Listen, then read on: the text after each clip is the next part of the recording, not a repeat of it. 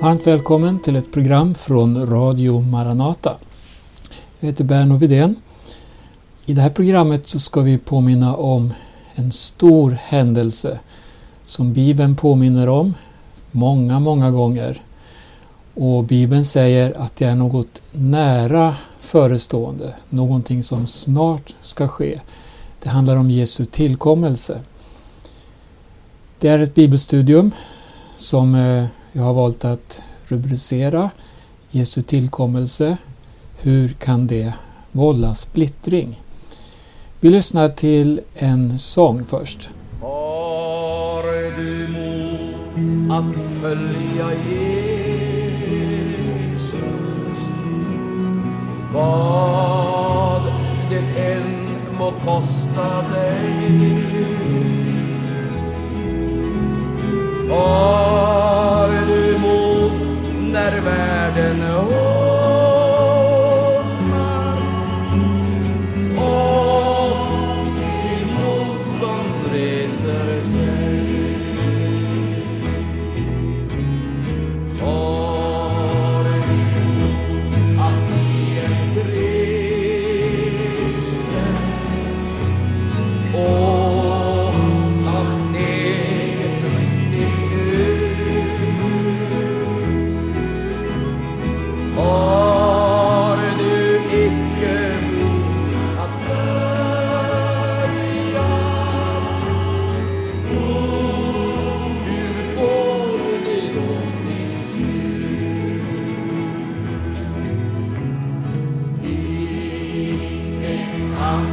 Fenster der Welt.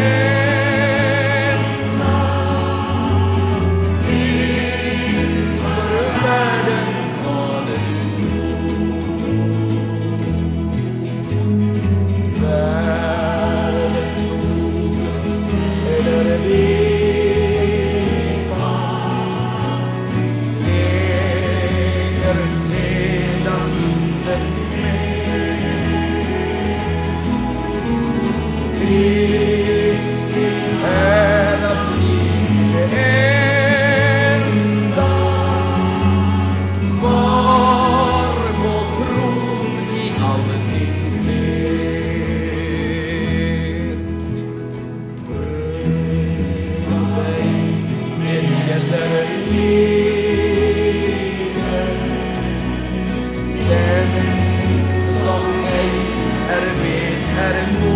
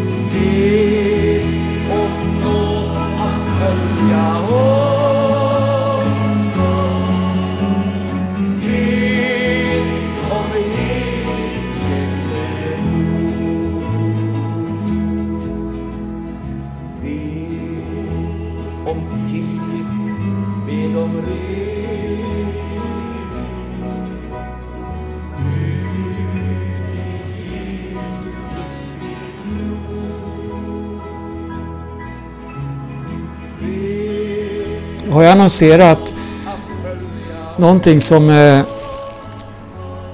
talar om Jesu tillkommelse som en stridsfråga.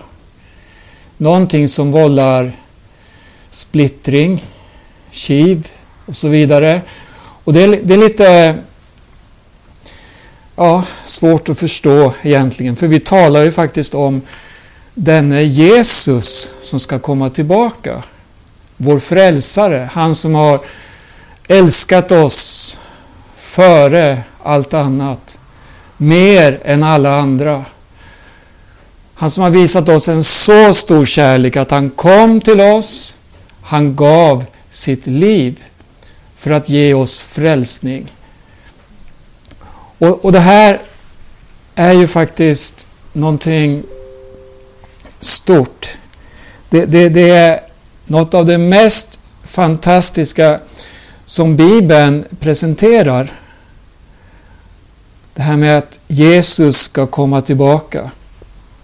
Jag tänkte på en eh, händelse eh, under andra världskriget. Jag har hört en del om eh, Norge och kung Håkon. Han eh, var ju en förebild verkligen för det norska folket under ockupationen. Han, han stod där som en, som en eh, kung som verkligen representerade folket. Han vägrade att eh, abdikera, alltså att ge upp. Och han vägrade att gå med överhuvudtaget på nazismens krav, de som ställdes då utav Hitler och hans armé. Han visade en oerhörd pondus. Och eh, han blev folkets hjälte verkligen på, på många sätt. Den här kung Håkon, han, han, eh, han eh, blev ju så småningom utjagad ur landet. Han fick styra landet i exil och det gjorde han helhjärtat. Eh, ockupationen varade sin tid men så hände det då 1945 då hela nazismen, hela det här imperiet, det tredje riket, det rasade. Och kungen kunde så småningom återvända. Och då har jag hört ögonvittnen berätta om hur hela Oslo, hela landet, det, det blev så... Ja, den här händelsen när kungen skulle komma tillbaka. Det förenade folket verkligen. Man kom tillsammans. Gatorna i Oslo fylldes utav eh, hängivna människor som sa nu kommer han. Nu kommer kungen. Han som har stått vid vår sida. Han har varit i London, han har varit i exil, men han har funnits där och gett oss stöd. Han har funnits där och inspirerat genom sina radiosändningar, genom alla kanaler som fanns då för att nå ut med budskapet. Och nu kommer han. Och då ser man hur folket stod enat. För det fanns någonting som förenade. Kungen skulle komma tillbaka. Tänk dig då, våran kung. Bibeln säger att han är kungars kung. Han ska komma tillbaka. Pris för Gud. Han ska komma tillbaka till en värld som Bibeln också säger då är i djävulens våld. Är inte det stort? Han har vunnit seger. Kung Håkon, han var övertygad om att rättfärdigheten skulle segra. Rättvisan. För att den här makten som skulle ta Norge, det var en ond makt. Nazismen, det var en fruktansvärd makt som utrotade delar av befolkningen. Det var en rasbiologi som var helt djävulsk. Det skulle aldrig hålla i längden. Men här ser vi verkligen Jesus Kristus. Han har vunnit seger. Och han återvände till Fadern och så sa han till sina lärjungar, jag ska komma åter. I ögonblicket då han lyftes upp, vad hände? Änglarna stod där och sa till lärjungarna, denne Jesus som ni har sett fara upp, han ska komma tillbaka. På samma sätt. Halleluja. Det här är ett budskap som borde förena oss verkligen. Att förenas kring hoppet att Jesus kommer. Halleluja. Jag blir alltid inspirerad när jag talar om Jesu tillkommelse. Och Nya Testamentet, det påminner faktiskt mer än 300 gånger om att Jesus ska komma tillbaka. Det är alltså ett centralt budskap i Bibeln. Det är inte bara någonting som ploppar upp ibland och någonting diffust som presenteras. Nej, det är ett budskap som är konkret och upprepas gång på gång. Det är detta att han ska komma tillbaka. Och då är det sorgligt att ett av de mest hoppfulla budskap som överhuvudtaget existerar i Guds ord, att det för många har blivit en stridsfråga. Eller ännu värre, när de här stridigheterna och olika synerna kommer, så blir det också för många en icke-fråga. Man lägger det åt sidan helt enkelt. Budskapet om att han ska komma, det blir alldeles för ja, vad ska man säga, rörigt och för många tycker så olika, så blir man konfunderad. Men du, lev i tillkommelsen. Lev nära Jesus. Då kommer du att älska att tala om att han ska komma. Käre Gud. Det handlar om Bibelns absoluta huvudperson. Vars utgivande kärlek det är förutsättningen för vårt eviga väl. Det handlar om honom, att han snart är här. Priske Gud.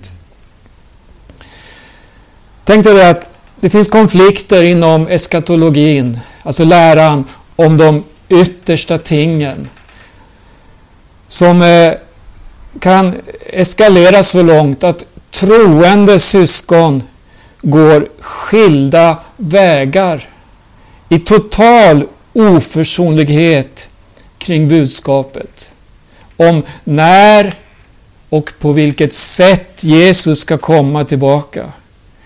Man kan följa debatter i olika medier, i olika sociala medier. Man kan eh, läsa där hur de ofta åtföljs av bitska kommentarer.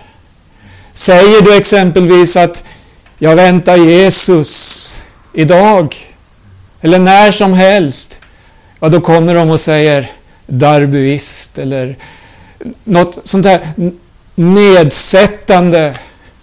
Och, så kommer man med sina utläggningar.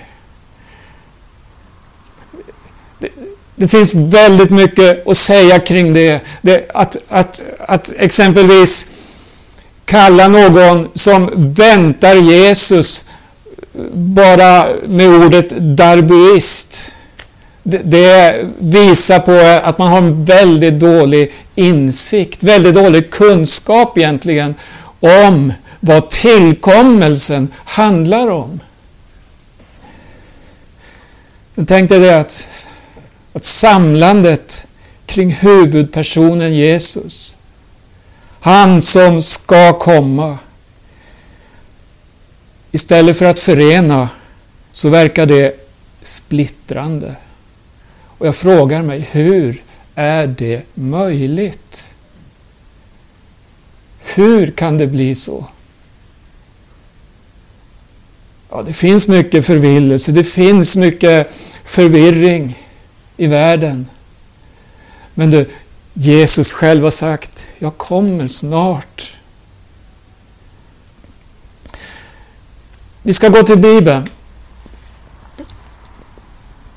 På Nya Testamentets tid så fanns det också frågetecken och ifrågasättanden kring eh, när och hur Jesus skulle komma.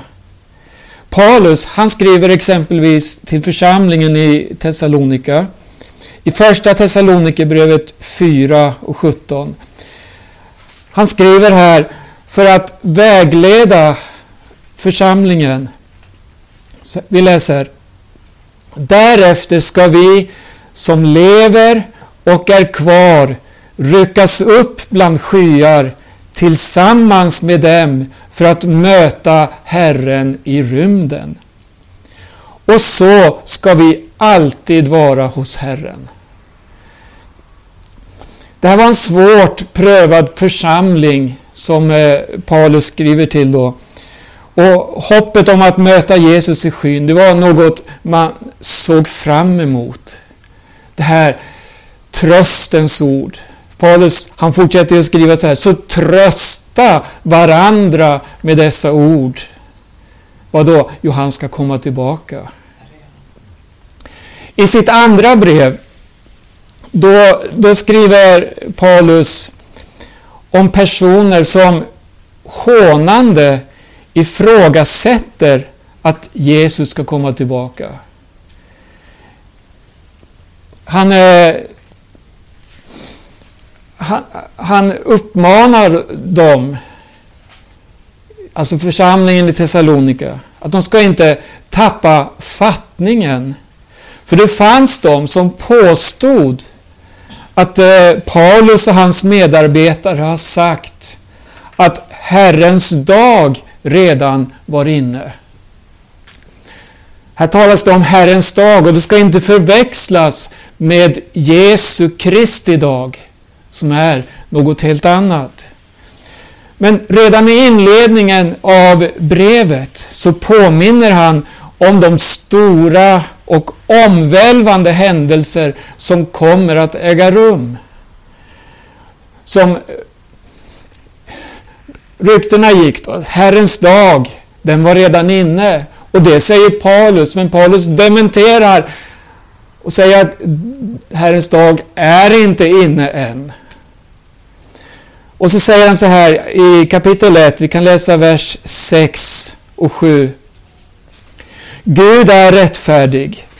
Han straffar med plågor dem som plågar er och låter er som plågas få lindring tillsammans med oss. Det sker när Herren Jesus uppenbarar sig från himlen med sina mäktiga änglar. Han talar här om en dag som ska komma och vad, en del här av vad det kommer att innebära. Herrens dag. Bibeln säger att den är stor och förskräcklig. Det är en dag fylld av uppgörelser. Men tänk, läs vad han skrev tidigare. Då talar han om tillkommelsen. Han talar om en uppryckelse. Han talade om en tröst. Han talade om Jesu Kristi dag. Halleluja. Det som är församlingens hopp. Älskar du Jesus? Älskar du honom? Käre Gud, då älskar du också hans tillkommelse. Tänk att få möta honom Vi ska läsa ett annat bibelställe. Det är Petrus som skriver i sitt andra brev. Och här möter vi ett ifrågasättande. Här står det uttryckligen att det är ett hån. Människor som hånar då, hur går det med löftet? Och då står det så här i första Petrus 3, jag kan läsa vers 3.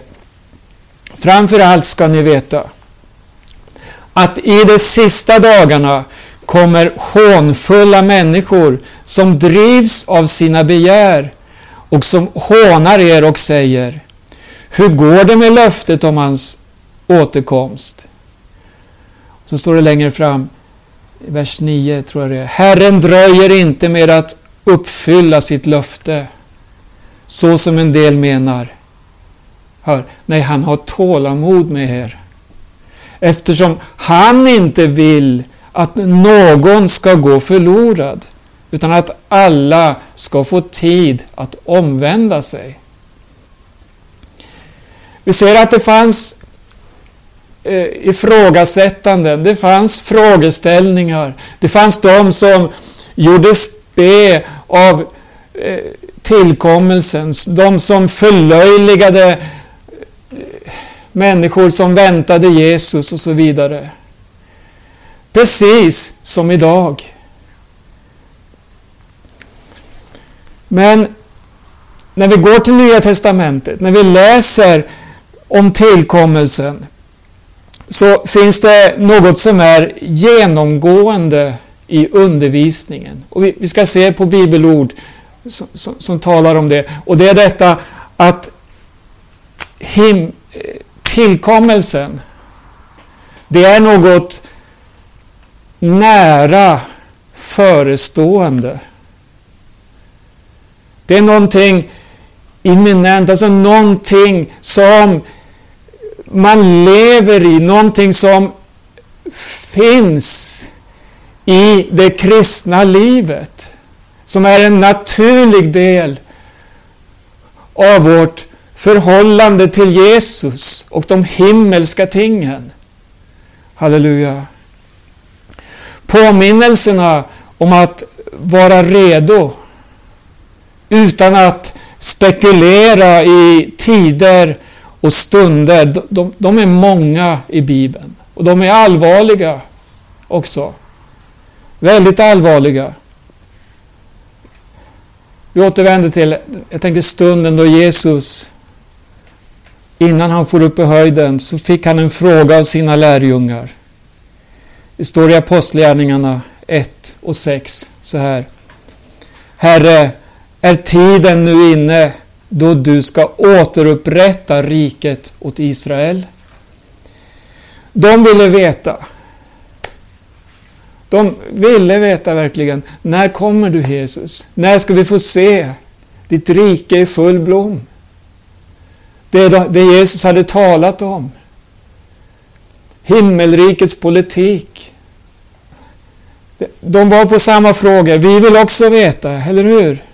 Vi vill gärna kunna se in i framtiden och, och veta när ska du komma Jesus? Det här har vi mött under historiens gång, många människor som har frågat när kommer du Jesus? Men så, så, så möter man den här påminnelsen hela tiden. Jesus han, han byter fokus. Det handlar inte om att söka tider eller stunder. Men det handlar om ett liv. Ett naturligt liv tillsammans med Jesus. Det andas tillkommelse. Men inte bara tillkommelse, utan det är ett liv som fylls av ett uppdrag här i tiden. När vi lever i hoppet, han ska komma. Ja, då sporras vi också att bli själavinnare. Att nå ut med budskapet. Jesus, han bytte fokus och påminde om nödvändigheten av att bli döpt i helig Ande. för att få kraft, skärpa och inte minst ett rätt perspektiv till de jordiska tingen. Kära Herre Jesus. Och sen kommer då ögonblicket, stunden efter Jesus hade sagt det här, att ni ska få kraft när den helige Ande kommer över er. Då blev han upplyft i höjden. En sky tog honom. Han återvände till Fadern. Och så får lärjungarna det här beskedet. Stå inte där och titta upp i höjden. Nej, den är Jesus. Halleluja, som ni har sett fara upp i skyn. Han ska komma igen på samma sätt som ni såg honom stiga upp till himlen. Pris för Gud. Vi ska lyssna lite till Jesu undervisning. Han har ju flera tal och flera samtal då han verkligen påminner om sin tillkommelse. Och Han talar om att tiden är kort och hur viktigt det är att vara redo. Vi ska läsa i Matteus 24 från vers 39. Så ska det bli när Människosonen kommer. Då ska två män vara ute på åkern. Den ene ska tas med, den andra lämnas kvar. Två kvinnor ska mala vid kvarnen. Den ene ska tas med, den andra lämnas kvar. Och så säger Jesus, var därför vakna. För ni vet inte vilken dag er Herre kommer. Jesus han, han talar om hur viktigt det är att vara redo. Att leva i denna tillkommelse. Det handlar om att leva i ett förhållande till Herren Jesus Kristus, där han är stor, där man älskar hans tillkommelse. Halleluja.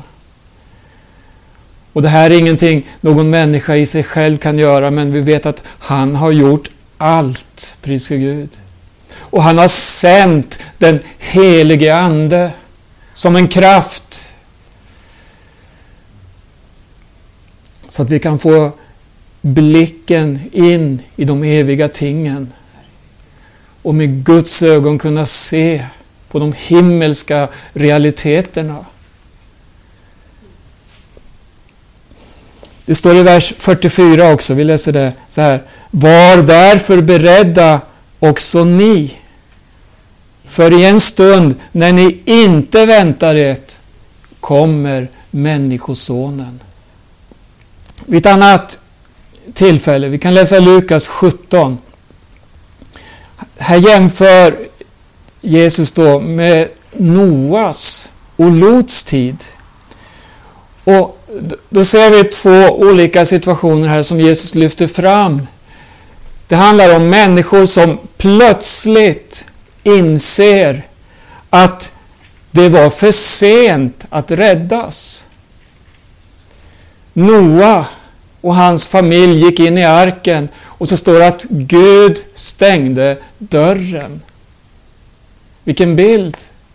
Vilken verklighet det var för de människorna, människorna som levde då. Gud stängde dörren.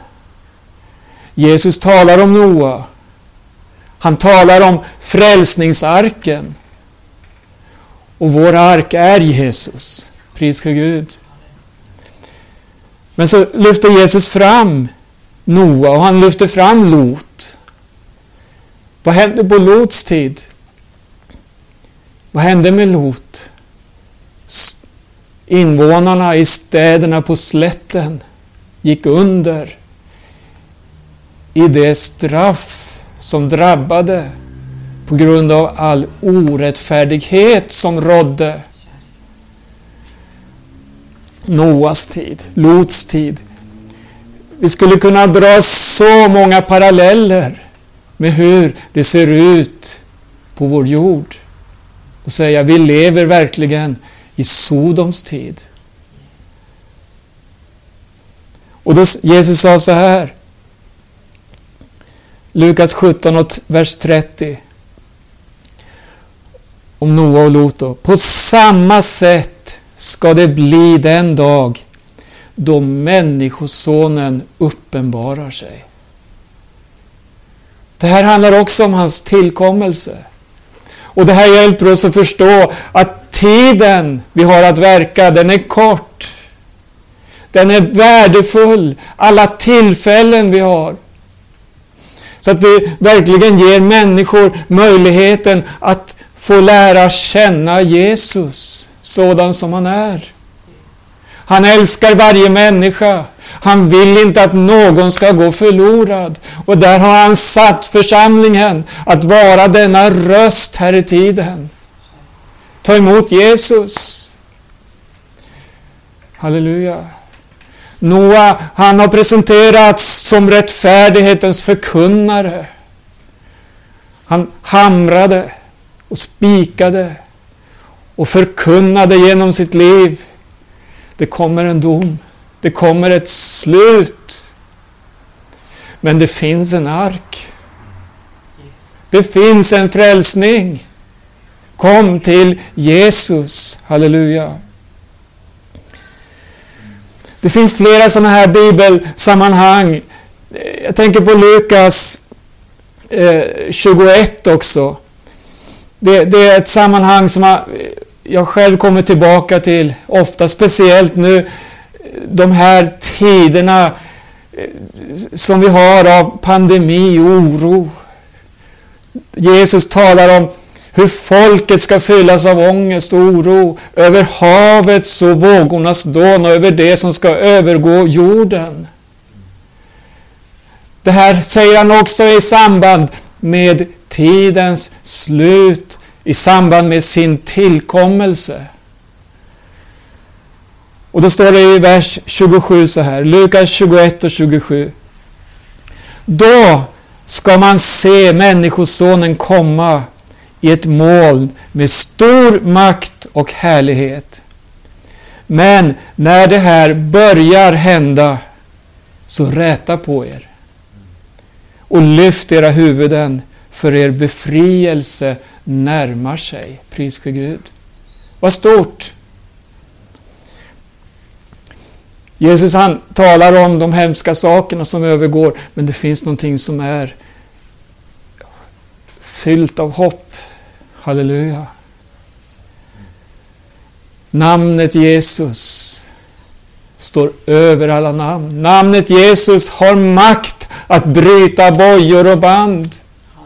Namnet Jesus kan befria från synd och från denna fördömelse från denna död.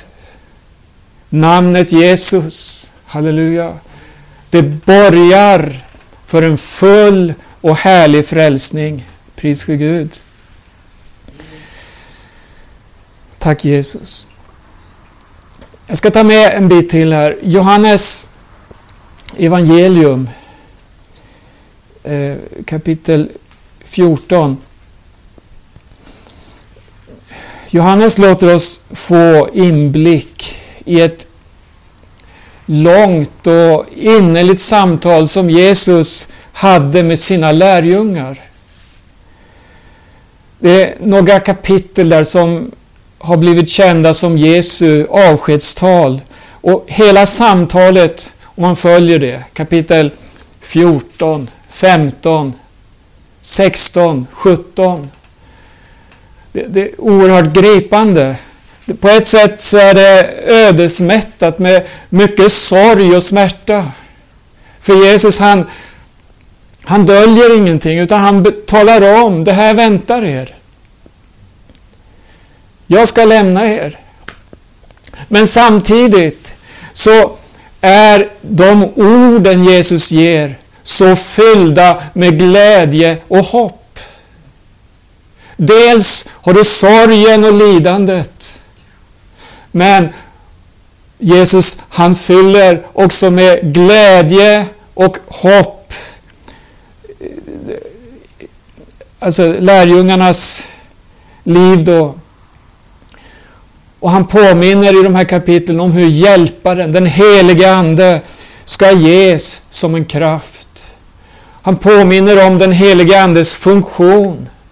Hur han ska måla Kristus, förhärliga Jesus, hur han ska vara en hjälpare och så vidare. Och Han talar också om hur han ska gå bort, men att han vill vara med sina lärjungar. Han vill vara med sin församling. Och så säger han att han ska komma tillbaka. För det är någonting som Jesus verkligen uttrycker att han vill komma tillbaka. Det är inte bara en teknikalitet, det är inte bara någonting som ska ske i ett teologiskt mönster, utan här ser vi någonting återigen hur Guds kärlek uttrycker sig. Jesus säger, jag vill vara hos er. En brud och en brudgum som förenas. Det sker av kärlek. Eller hur? Och i Johannes 14, vers 3. Och om jag nu går bort och bereder plats för er så ska jag komma tillbaka och hämta er till mig. Oerhört budskap. För att ni ska vara där jag är. Hör, jag ska komma och hämta er till mig. Tänk att ha en sådan Jesus. Som uttrycker sig på det här eh, kärleksfulla sättet till sina lärjungar. Jag vill, ni ska vara där jag är. Jag går och bereder rum. Men jag kommer snart tillbaka. Uppenbarelseboken ska vi gå till också. När vi läser den så påminns vi om tidens korthet. Om hur allt vi har omkring oss snart kommer att möta sitt slut. Men det finns någonting som består för evigt. Det är det som är fött av Gud. Halleluja. Inte det här skapade, det här materiella. Allt vi bygger upp och håller på med. Allt det här är sparat åt eld, säger Bibeln. Men det finns någonting som består för evigt. Det som är fött av Gud. Och hör, allt du gör för Gud, det bär frukt för evigheten. Har du tänkt på det? Sådant som aldrig någonsin kommer att förstöras. Nu tänker jag på Jesus eh, när han undervisar om eh, att samla skatter. Om vi samlar skatter på jorden, vad händer då?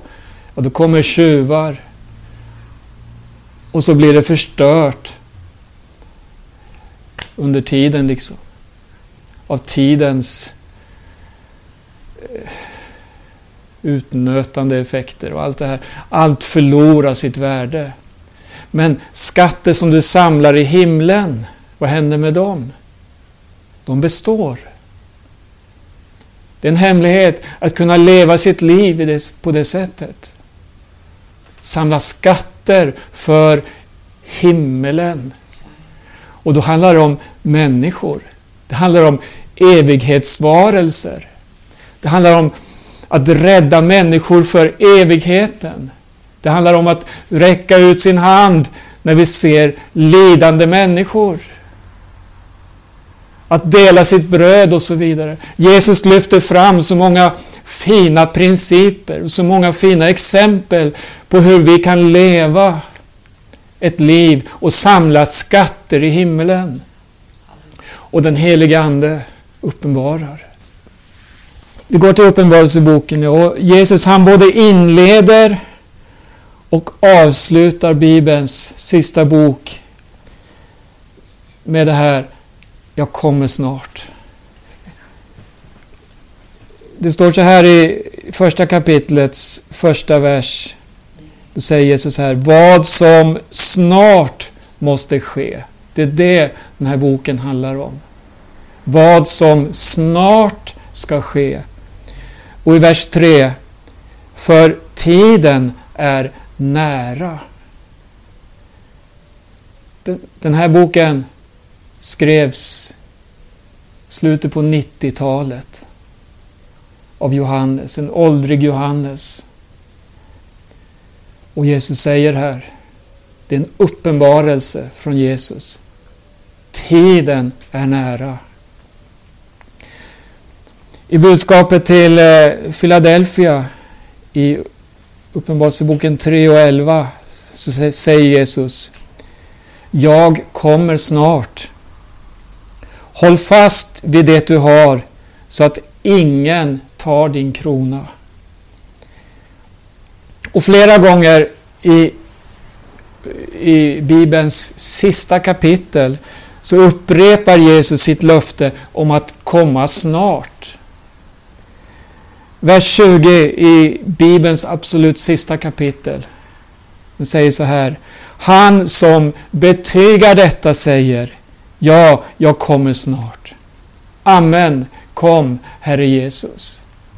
Vi möter alltså det här korta perspektivet rakt igenom hela Nya Testamentet när det handlar om tillkommelsen.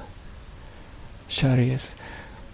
Paulus han uttrycker eh, också det här mycket korta perspektivet då han skriver om Jesu andra tillkommelse. Dels så uttrycker han det här, det handlar om att älska tillkommelsen.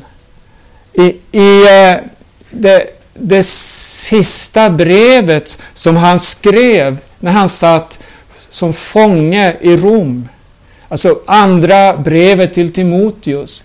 Då talar han om hur hans liv är på väg att ta slut. Men han har bevarat tron. Och rättfärdighetens segerkrans ligger redo. Den väntar mig. Men inte bara mig, säger han. Utan alla, vilka alla, som älskar hans tillkommelse. Jesus lever. Han är verklig. Han bor i dig, han älskar dig. Vill du att han ska komma? Vill du att han ska komma snart? Och så tänker jag på det här också när Paulus skriver, vi talar om det här korta perspektivet, han skriver till församlingen i Thessalonika som vi redan har läst. Han inkluderar sig själv i tillkommelsen han, vad säger han? Vi som då lever kvar ska tillsammans med de som har gått före lyftas upp på skyn. De döda i Kristus ska uppstå och vi ska förvandlas i ett ögonblick, i ett nu. Halleluja. Vilka korta perspektiv. Jag tror inte att Paulus var fel ute, även fast det nu har gått många år. Men vi kan, behöver inte räkna på det sättet. Herren har fastställt en dag. Herren har fastställt en tid då han ska komma tillbaka. Halleluja. Under tiden, lev, tjäna, vänta, älska, gör allt av hela ditt hjärta. Och du kommer att se hur han fyller ditt liv med detta hoppet. Ett liv i tillkommelsen. Är det inte så att det man älskar lever man för? Och eh, det som präglar mycket av Paulus brev också, det är just det här som har med livet med Jesus att göra. Och han knyter samman det med förvandlingen jag tänker på det han skriver om hur Jesus ska förvandla vår bräckliga kropp och göra den lik hans härlighetskropp. Vilka uttryck han formulerar som har blivit sådan hjälp, sådan tröst för många vittnen under årens gång. Det är Guds eviga ord. Johannes skriver i sitt första brev så här. Vi vet att när han uppenbaras ska vi bli lika honom. För då får vi se honom sådan han är. Nu har jag läst många bibelcitat och det finns mycket, mycket mer att lyfta fram. Och Låt inte den här glädjen tas ifrån dig. Och låt inte hoppet fördunklas genom att hålla på och fastna då i olika teologiska dispyter om tillkommelsen. Om den ska äga rum, det här vanliga som man säger då, före, under eller efter vedermödan. Det är sådana här frågor som dyker upp hela tiden på olika sätt. Som skapar olika klyftor, sätter människor i olika läger, olika fack. Någon säger att Jesus inte kan komma än. Att först måste olika händelser äga rum. Andra säger att först måste det som Bibeln då kallar för vedermödan äga rum och så vidare. Men vad säger Jesus? Det är inte vår sak att veta vilka tider eller stunder som Fadern i sin makt har fastställt, som han har bestämt.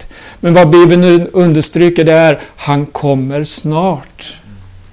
Lev i tillkommelsen. Halleluja. Vänta Jesus varje stund och låt ditt liv få vara en proklamation som bär detta vittnesbördet Maranata. Det som ropar Kom Herre Jesus. Halleluja. Om han kommer idag, eller imorgon, eller om några år så kan vi vara förvissade om att han kommer den dag som Fadern har beställ, bestämt i sin makt. Vi kan vila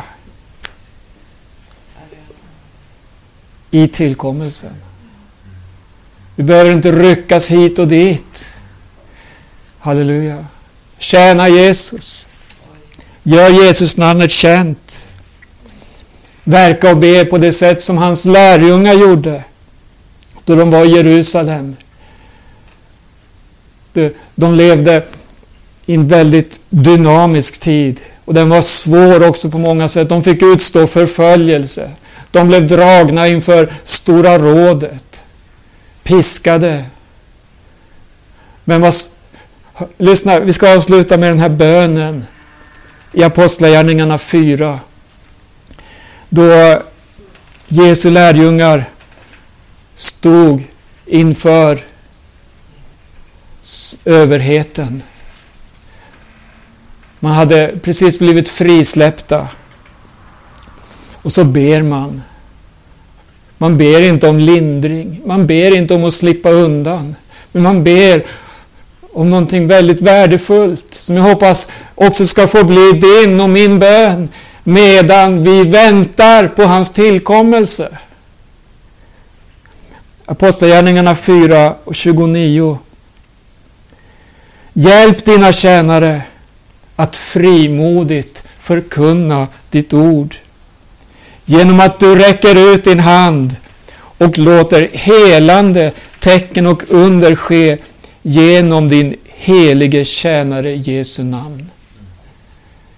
Halleluja, det är min bön också. Jag hoppas att det är din bön.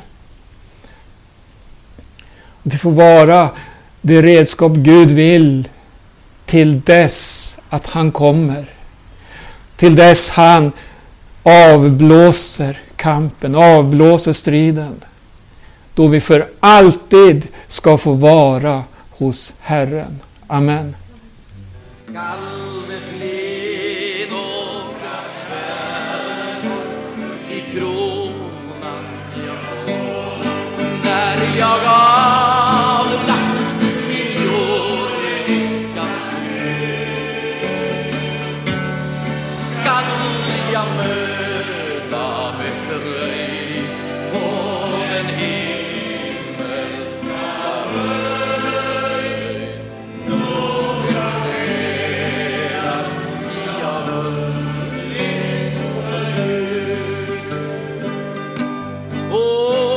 Fröjd när min Jesus upptager till sig och några jag räddade här. Himlens här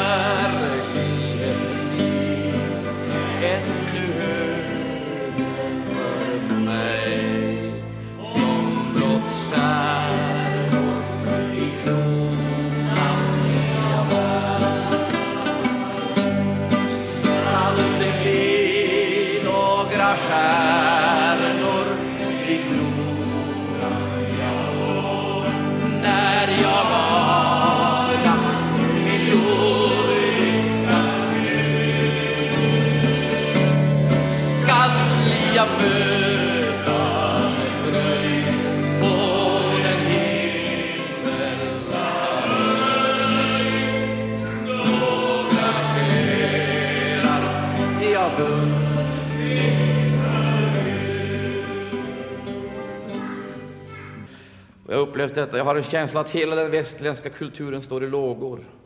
Den står i lågor och det finns inget det finns ingenting som kan rädda den. Den kommer att gå emot sitt totala kaos. Men vi vet att Jesus kommer. Och jag, i den här veckan som ligger bakom så har sanningen om Jesus, Jesu tillkommelse varit som en, det har varit som en eld i mitt bröst. Att Jesus kommer, Jesus kommer. O, måtte vi ropa ut att Jesus kommer, älskade vänner. Och ska vi vinna människor för Jesus så går det inte med halvdana insatser, utan då måste vi helt enkelt överlämna oss helt åt Jesus. Och jag har tänkt på det här, vi ser hur liksom allting förberedes i den stora världen. Kina, Sovjet, Amerika. Vi ser ordet gå i fullbordan. Allt förberedes på alla områden, politiskt, militärt, ekonomiskt, kulturellt, religiöst. Förberedes för övermänniskans framträdande. Då en mänsklighet så terroriserad och sönderkörd av sataniska krafter i sin djupaste förvillelse ska böja knä och ge Antikrist sin hyllning som befriare och frälsare. Och i den kören som ger honom sin hyllning ska det vara hundratusentals avfälliga kristna. Hundratusentals avfälliga kristna som hörde evangelium men förföll i ljumhet, slöhet, likgiltighet, materialism eller någonting annat. De ska vara med där och bedragas. Och jag har en känsla av, jag, säger det, jag, det, det är nästan desperation när jag säger det här. Vi har så kort tid, så jag tror att vi kan räkna dem i år. Förmodligen så är det frågan om, frågan om månader innan möjligheten att verka för oss definitivt är slut. Definitivt är slut. Det behöver inte innebära att vi kommer att få ett politiskt system, totalitärt system, som kommer att lägga hinder för oss att ha möten. Men Jesus sa så här, natten kommer, säger han, då ingen kan verka. Därför att läget i mänskligheten är precis likadant som det var på Sodoms och Gomorras tid. Det fanns ingen möjlighet till räddning, befrielse. Man hade nått måttet. Det var rågat. Det återstod endast dom. Och tiden kommer då vi icke kan verka. Och jag tycker det är så allvarligt, därför att du vet att Jesus kommer. Du vet. Och du vet att Jesus kommer. Vi sitter inne med tidens i särklass största sensation. Ty förmodligen så lever du och jag i den generation som kommer att vara med om det här bokstavligt.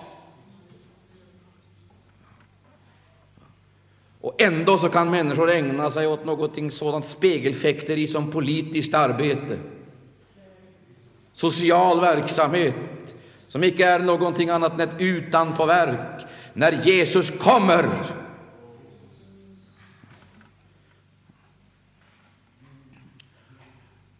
Och eh, vi vet det här, och jag tänker Gud i himlen hjälpa oss Att icke vi gör oss skyldiga till förräderi, gör oss skyldig till förräderi på det sättet att vi lojalt underordnar oss världens ande och förtiger denna sanning som behöver ljuda som ett midnattsskri genom hela världen. Jesus kommer.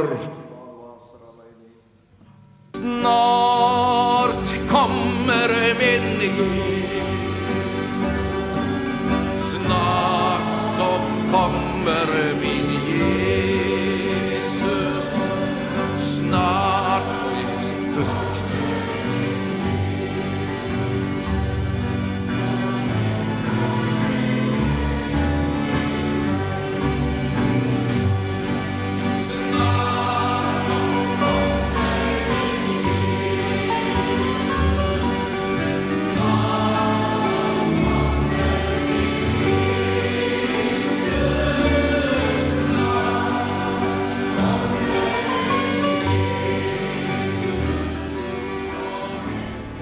Du lyssnar till Radio Maranata och eh, vi har hört en förkunnelse om Jesu tillkommelse.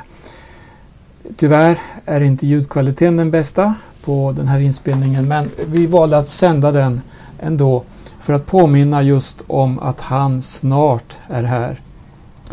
Vi hörde också här i slutet en appell av Arne Imsen den eh, spelades in redan i början på 70-talet och är oerhört väckande. Ta till dig dessa signaler, ta till dig det här budskapet och lev i denna beredskap. Lev i detta hoppet. Herren kommer. Låt din tjänst och allt i ditt liv få formas utav just detta att han kommer. Låt ditt liv få bli ett Maranata-rop som säger Kom, Herre Jesus. Vi ska fortsätta i program längre fram också och påminna om tillkommelsen, fast utifrån lite andra perspektiv. Nu säger vi tack för oss för den här gången. Radio Maranata eh, Stockholm sänder ju varje morgon klockan 8. Måndagar och onsdagar också klockan 18. Och samma tider har Radio Maranata Örebro. Med det säger vi tack för oss för den här gången och önskar er allesammans Guds rika välsignelse. Till sist, jag glömde nästan att påminna om hemsidesadressen www.maranata.se Där finns det mycket information om vår tidning Minnasropet, om ljudfiler, det finns många sånger, mycket förkunnelse att lyssna till. Tack säger jag än en gång och Gud välsigne var och en. Snart är han här. Snart är han här. Snart kommer Jesus igen. Snart